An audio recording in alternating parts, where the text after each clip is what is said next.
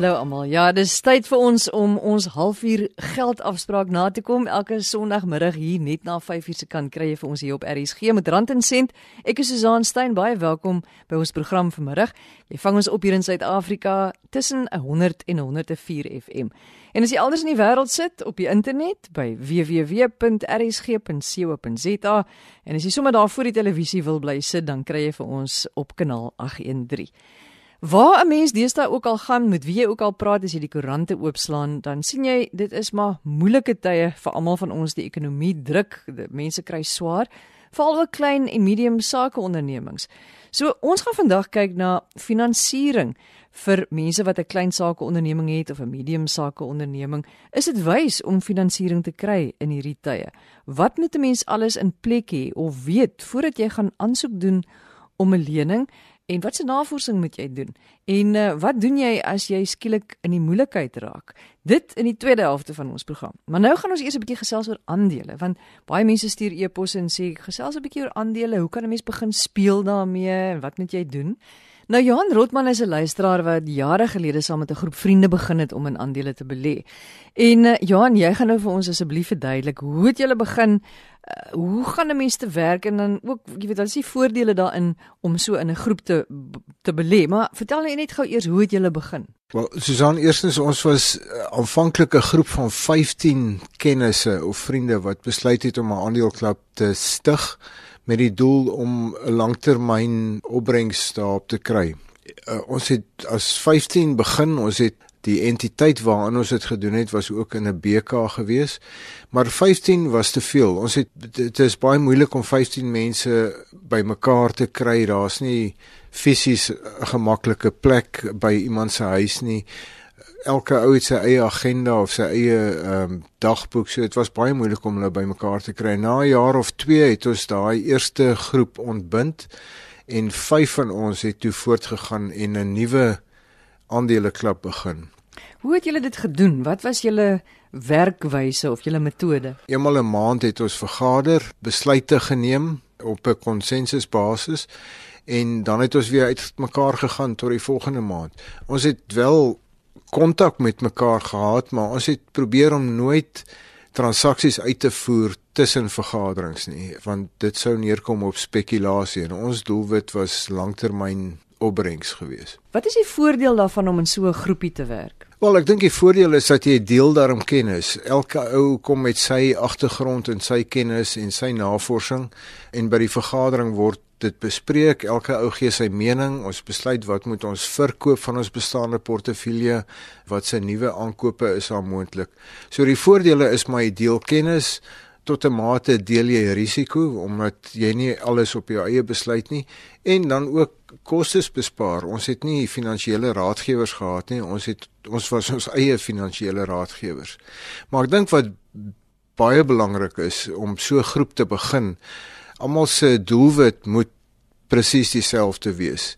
Jy kan nie dat van die lede ehm uh, sê nou maar het 'n spekulasie doelwit en ander het 'n langtermyn ehm um, opbrengs doelwit nie. So almal se doelwitte moet dieselfde wees. Jy moet mekaar goed ken of vertrou, dat die mense moet toegewyd wees en moet nie net vir korttermyn gewin betrokke raak in so 'n aandeleklub nie. Wanneer 'n mens met aandele begin werk of wanneer jy besluit ek gaan begin aandele koop, dan is dit sekerlik beter om die langtermyn doelwit in gedagte te hê. Tensy jy nou regtig iemand is wat aandele ken en elke dag speel. Ja, en in ons geval sou dit net glad nie prakties gewees het om op die korttermyn te spekuleer of van dag tot dag te probeer transaksies doen nie.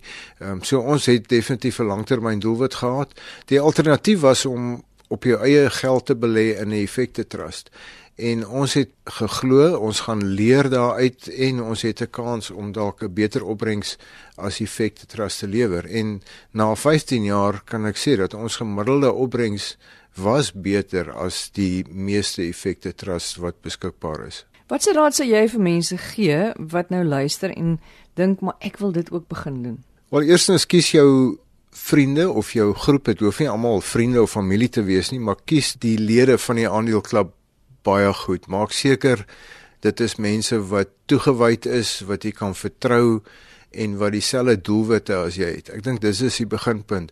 Die tweede ding is stig wel 'n wetlike entiteit waar binne die aandeleklub uh, gaan funksioneer want as die aandeleklub ontbind of een van die lede kom dalk iets oor uh, moet daar 'n maklike wetlike manier wees om daai lid se aandeel uh, in die klub uit te betaal of om af te sluit. Daar moet reëls wees om te sê wat sou gebeur indien iemand sou wou uitgaan uit die klub of as daar dalk reëls is dit om nog iemand toe te laat. En die ander belangrike ding van 'n wetlike entiteit is dat dit moet geaudit word. Daar is 'n rekenmeester betrokke, eenmal 'n jaar minstens kyk hulle na die syfers.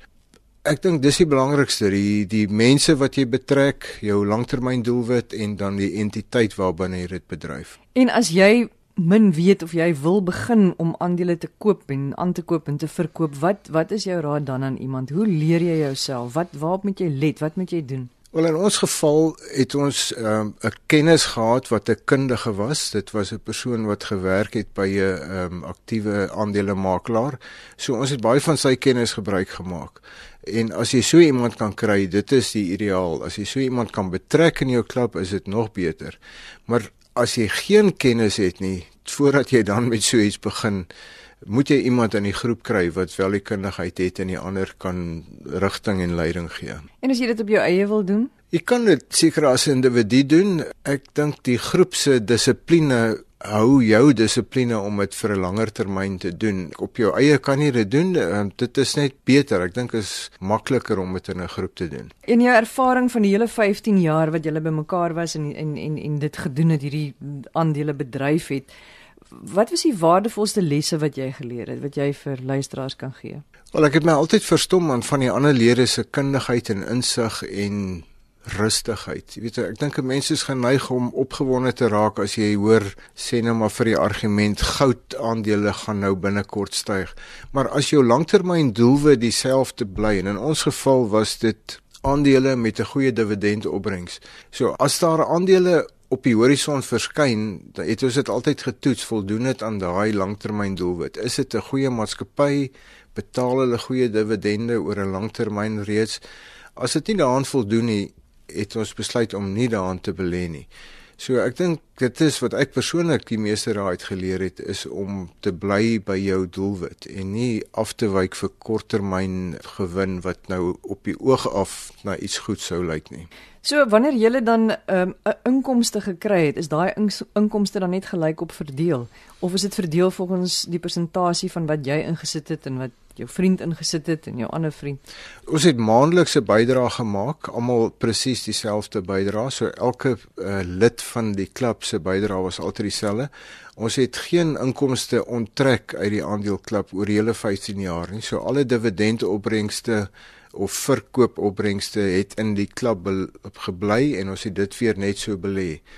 Ons het die klub nou onlangs ontbind en die enigste rede is baie van ons is nou afgetree en wou ons persoonlike finansies net vereenvoudig en het toe besluit om die klub te ontbind en het nou die opbrengs uitgekeer as dividende uit die BK, die entiteit wat ons gebruik het.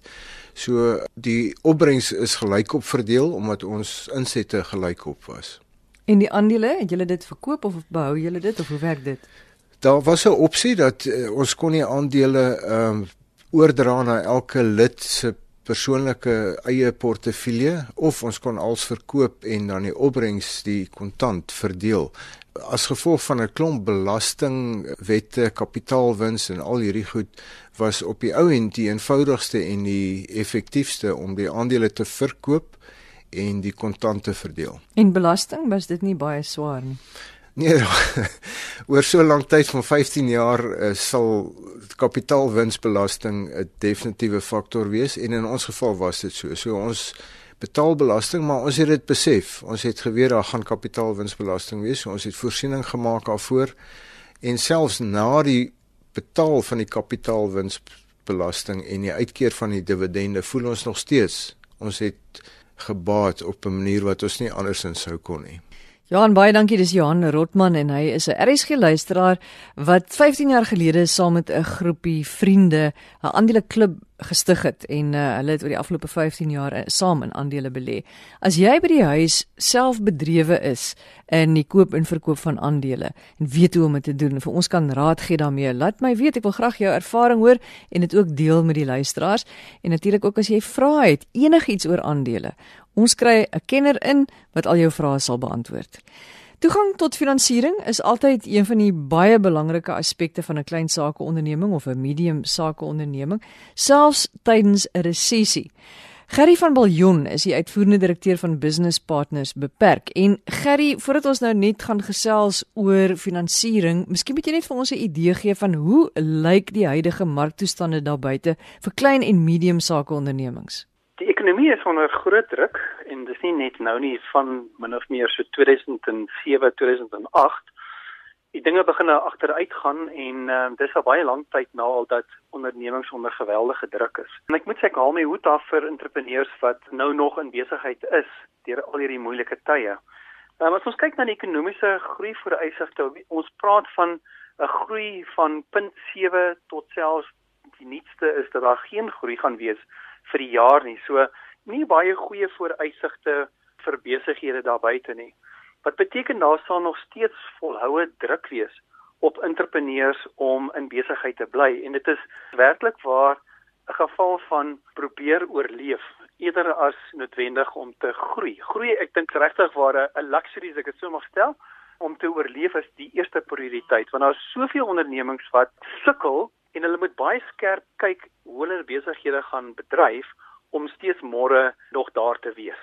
As ons kyk na iemand wat miskien 'n besigheid wil begin en dink daaraan om finansiering te kry. Ja, dis moeilike tye om selfs te dink om finansiering te bekom, maar in baie gevalle is daar goeie redes vir finansiering, byvoorbeeld uitbreiding waar hulle voel dat die mark is groot genoeg en dat hulle byvoorbeeld nog 'n masjien kan aankoop om te voldoen aan die vraag.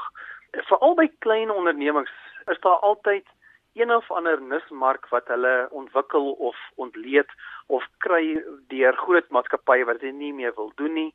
So daar's geleenthede en daar bly geleenthede nog in die mark.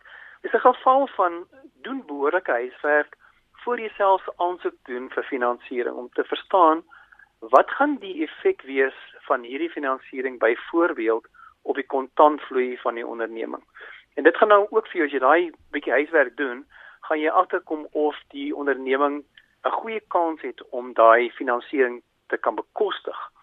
En wat is natuurlik die effek daar buite? Jy vat dalk jou onderneming van een vlak na 'n volgende vlak wat natuurlik baie goed is. Die navorsing wat jy doen gaan ook vir jou sê of jy vir die regte bedrag aansoek doen. As jy byvoorbeeld aansoek doen vir 'n miljoen rand, hoekom is dit nie 700 000 nie en hoekom is dit nie 1.5 miljoen nie. So gaan jy daai oefening om te verstaan wat is werklik waar jou behoefte. Veral finansiëerders wat nie seker is oor die bedrag en bedoel hulle die aansoek is nie duidelik waarvoor die fondse is nie en hoeveel is die bedrag wat waarvoor hulle aansoek doen nie. Is baie frustrerend. So kom goed voorberei by die finansiëerder aan met 'n goeie motivering van hoekom het ek hierdie geld nodig en wat gaan die effek daar wees?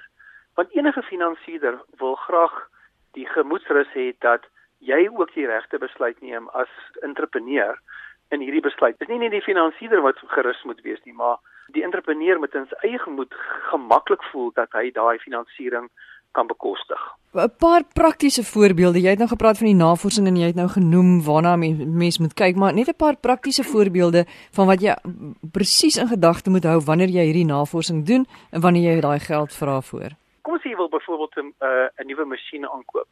Om presies na te vors wat is byvoorbeeld die kapasiteit van die masjien en nul is om te sê hoeveel gaan dit kos? Saam met dit gaan natuurlik ook of daar opleiding is en koste wat nie so hooglopend is nie. Byvoorbeeld invoerbelasting die vervoer van die produk as jy moet betaal vir opleiding van jou mense jy mag dalk die mense oorsee stuur. Dis meer koste as wat jy dalk gedink het. So dink prakties aan hoeveel finansiering jy op jou eie gaan nodig hê want jy weet om vir te min geld aansoek te doen is baie frustrerend want jy gaan sien jy gaan eh, 'n uh, tekort hê aan geld wat beteken jy gaan weer met 'n aansoek doen by die finansiëerder en ook maak seker dat jy doen aansoek by die regte plek daar's verskeie finansiëerders van klein en medium grootte ondernemings Ons praat byvoorbeeld van die kommersiële banke, maar binne in die bank is daar verskillende afdelings. So maak seker jy kom by die regte plek uit. Seker die maklikste manier is maar op die webwerf te gaan. Gaan lees 'n bietjie na wie is in die mark van finansiering, wie doen wat. Daar is mense wat spesifiek fokus op KMO's en wat nie noodwendig versekerde lenings gee nie, bedoelende dat jy moet ten volle sekuriteit aanbied vir jou finansiering wat jy benodig. 'n Voorbeeld daarvan is byvoorbeeld FIFA wat deel is van die IDC of business partners wat ons ook doen. Ons kyk maar na die lewensvatbaarheid van die projek alvoor ons dan besluit of ons die ding gaan finansier of nie. Dit lyk asof die kriteria vir jy weet banke of enige agentskappe of mense wat geld uitleen vir finansierders, dit lyk amper asof hulle besig is om al hoe strenger te raak. Wat is hierdie kriteria en hoekom word dit al hoe strenger? Dis absoluut 'n feit. Ek dink dit begin als by die risiko finansierders besef dat om klein en medium grootte besighede te finansier is ultra hoë risiko. Dit is nie net in Suid-Afrika, dit geld reg deur die wêreld. En daar's baie redes hoekom daar hoë risiko is. Byvoorbeeld, daar's nie behoorlike finansiële inligting nie. Die entrepreneurs is waaroor dit gaan, daar's nie 'n behoorlike struktuur soos 'n raad van direkteure met spesialiste daar nie. Hulle het dikwels nie voldoende inligting nie So daar's baie risiko's verbonde in in die finansiering van klein en medium en groot ondernemings. Maar as jy kyk na die tipiese kriteria wat hulle na wat hulle na kyk, sal dit insluit byvoorbeeld jy moet kan bewys dat daar bekostigbaarheid is. Dat jy kan daai lening kan jy diens en terugbetaal. Dit is een van die kriteria. Maar dan het hulle ook baie strenger geword in terme van die radverhouding. Dis nou hoeveel kapitaal, eie kapitaal daarin is teenoor geleende kapitaal. Met ander woorde dat daar nie te veel geleende geld in die onderneming is nie en dat daar behoorlike reserves daarin is. En winsgewendheid is ongelukkig so dat in die tye waarin ons nou leef, dat daar groot druk is op op winsgewendheid. En die finansiëerders sê maar as jy nie geld maak nie, as jy nie wins maak nie, hoe op dese aarde kan jy dan hierdie finansiering bekostig? So sonder 'n behoorlike winsgeskiedenis is daar druk op die entrepreneur om te bewys dat hierdie is 'n goeie idee vir die finansiëerder om om te kyk na my as 'n lening. Die kredietrekord is is nog 'n voorbeeld. As jy 'n negatiewe kredietrekord het, kan jy verseker weet dat iemand gaan groot oë maak en sê maar as jy kyk na jou ou se kredietrekord, wow, miskien is my naam as finansiëerder volgende op die lys. En natuurlik ook die industrie. Daar's industrie wat finansiëerders baie skepties oor is wat hulle beskou as uiters hoë risiko. En daai risiko uh, aptyd wissel van een finansiëerder tot 'n ander finansiëerder. Ons sal byvoorbeeld klein hotelle en en selfs studente akkommodasie sal ons doen waar ander finansiëerders sien nie. Ons sien nie kans daarvan nie. Dis net 'n dis net 'n hoë risiko. So dit is so dat daar is strenger kredietkriteria wat finansiering toepas En uh, ek dink dit word net moeiliker vir KMO's, entrepreneurs daar buite om in besigheid in te kom nommer 1 en natuurlik om verder finansiering te kry, maar moenie moenie moed verloor het, probeer. As jy in die moeilikheid is, jy het finansiering, jy kom agter dinge loop nie lekker nie, wat wat doen jy? Ja, die laaste ding wat jy moet doen is om niks te doen nie. Bedoelende sit jou kop in die sand en jy wag dat iemand anders dit besluit namens jou doen. Dis die verkeerste ding wat jy kan doen. As jy nie moeilikheid is, gaan praat met die mense. Gaan na jou verskaffers toe, gesels met hulle, sê vir hulle dit is my situasie, ek wil graag dit oplos en jy sal verbaas wees hoe akkommoderend daai mense is. As jy met 'n redelike versoek na 'n finansiëerder of 'n verskaffer toe gaan, is hulle dikwels bereid om na jou saak te luister en nog steeds jou te finansier of of jou produkte te voorsien op krediet. So moenie weghardloop van jou probleem nie. Kyk hoe kan jy die probleem oplos? Dit gaan eintlik oor probeer om die probleem aan te spreek voordat dit daar gekom het. Want ons vind as jy as jy onder druk is, jy onder finansiële druk is, dan as entrepreneur maak jy die verkeerde besluite. Jy neem emosionele besluite. Jy dink nie op jou voete nie en jy doen eintlik dom dinge. So probeer om daai situasie te vermy waar jy onder geweldige druk is waar jy dinge nou moet doen. Jy moet nou jou mense betaal, jy moet nou jou huur betaal, jy het nie geld nie. Probeer dit behoorlik beplan voor dit gebeur. Baie dankie Gerry van Biljon, hy is die uitvoerende direkteur van Business Partners Beperk. En as jy 'n klein sakeonderneming het en jy deur sulke moeilike tye gegaan of jy raad vir luisteraars wat hierdeur gaan, jy kan iemand help, asseblief kontak my. erisgrandensent@gmail.com. erisgrandensent@gmail.com. Baie dankie vir die saamluister. Onthou as jy 'n opname wil hê van vanmiddag se program, dan gaan jy na www.erisg.co.za. Jy klik op potgooi en daar kan jy of vir jou die program gaan aflaai in MP3 formaat of sommer net daar weer sit en luister. Van my Susan Stein, dankie vir die saamluister. Ons praat volgende week verder. Totsiens.